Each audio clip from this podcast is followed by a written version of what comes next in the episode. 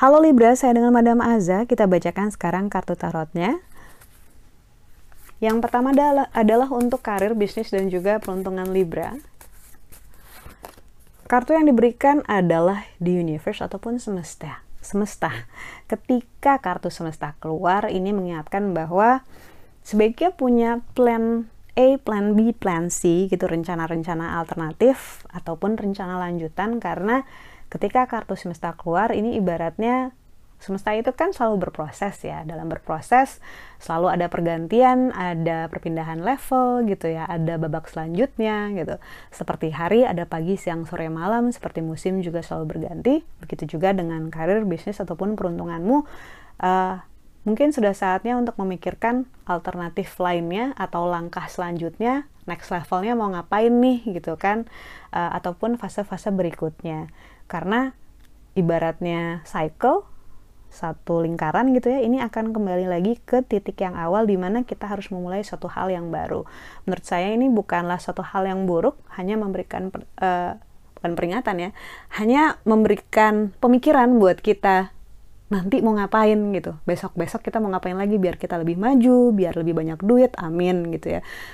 Supaya bisnisnya berkelanjutan supaya nggak stuck supaya finansial penambahan uangnya nggak cuman dari satu uh, sumber pemasukan aja.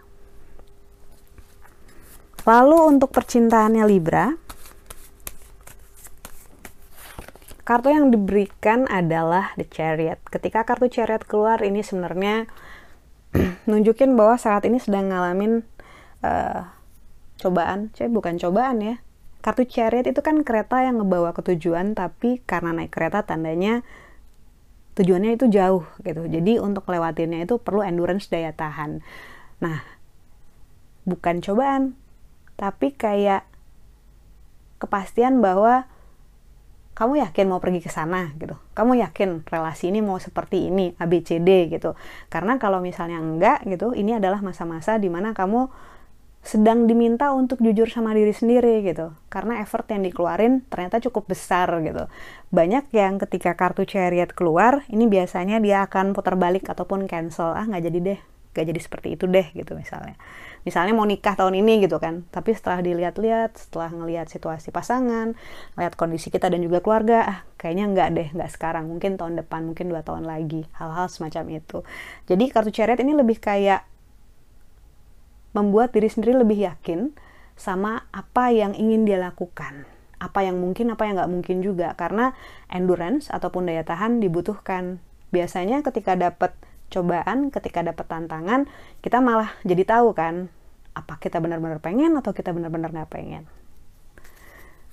Lalu kartu nasihat yang diberikan untuk Libra, kartu yang diberikan adalah The Tower.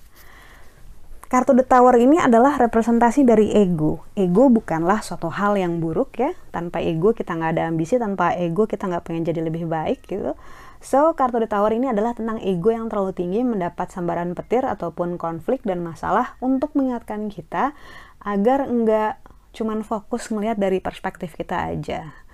Cuman ngelihat dari sisi kita aja, cuma nganggap diri kita yang paling penting pemikirannya, harus kita terus yang di center gitu, yang ada di tengah, harus kita terus yang uh, dapat perhatian ataupun diutamakan itu membuat kita jadi nggak bisa lihat realita apa adanya.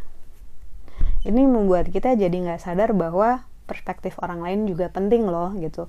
Sementara kalau kita memperhatikan perspektif orang lain, kita akan bisa belajar banyak dan menemukan uh, rasa harmoni di situ. Jadi nasihat yang diberikan adalah jangan ketinggian. Jangan ketinggian itu bukan itu bukan bukan itu ketinggian ya sebenarnya. Jadi ke, jangan ketinggian itu adalah yuk kita manage ego kita dengan baik supaya kita nggak ketinggian supaya kita bisa lihat perspektif yang lebih adil lagi buat diri kita dan juga buat orang lain supaya kita bisa lebih banyak belajar dari orang dan juga dari semesta dari lingkungan kita. Kalau kita ada di menara yang terlalu tinggi orang lain terlihat lebih kecil masalah kelihatan kayak uget-uget gitu ya gimana kita bisa bikin keputusan yang paling tepat gitu egonya diturunkan lagi, di-manage lagi, dan ini bukan hal yang buruk karena semua orang pasti mengalaminya. Semua orang pasti belajar kok untuk memanage egonya. Sekian bacaannya, semoga bermanfaat. Kita doakan hanya yang terbaik untukmu, terutamanya semoga sehat selalu, panjang umur, kaya raya, bahagia, berkelimpahan segala hal yang baik dari Tuhan Yang Maha Esa.